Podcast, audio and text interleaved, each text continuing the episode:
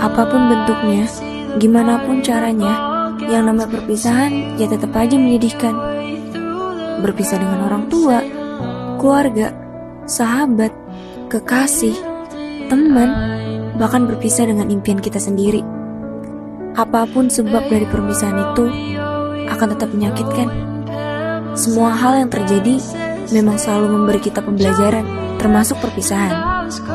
Apa pun alasan pembelajaran dalam perpisahan, tetap aja rasa nggak terima nyaman di hati karena hal itu. Tapi gimana pun, ikhlas harus jadi solusi. Rela, merelakan sebuah perpisahan. Sampai sini, lebih baik ikhlas sama yang namanya perpisahan. Karena percuma, dengan cara kalian gak ikhlas, itu gak bakal ngembalin semuanya. Coba untuk tegar ya. Semangat!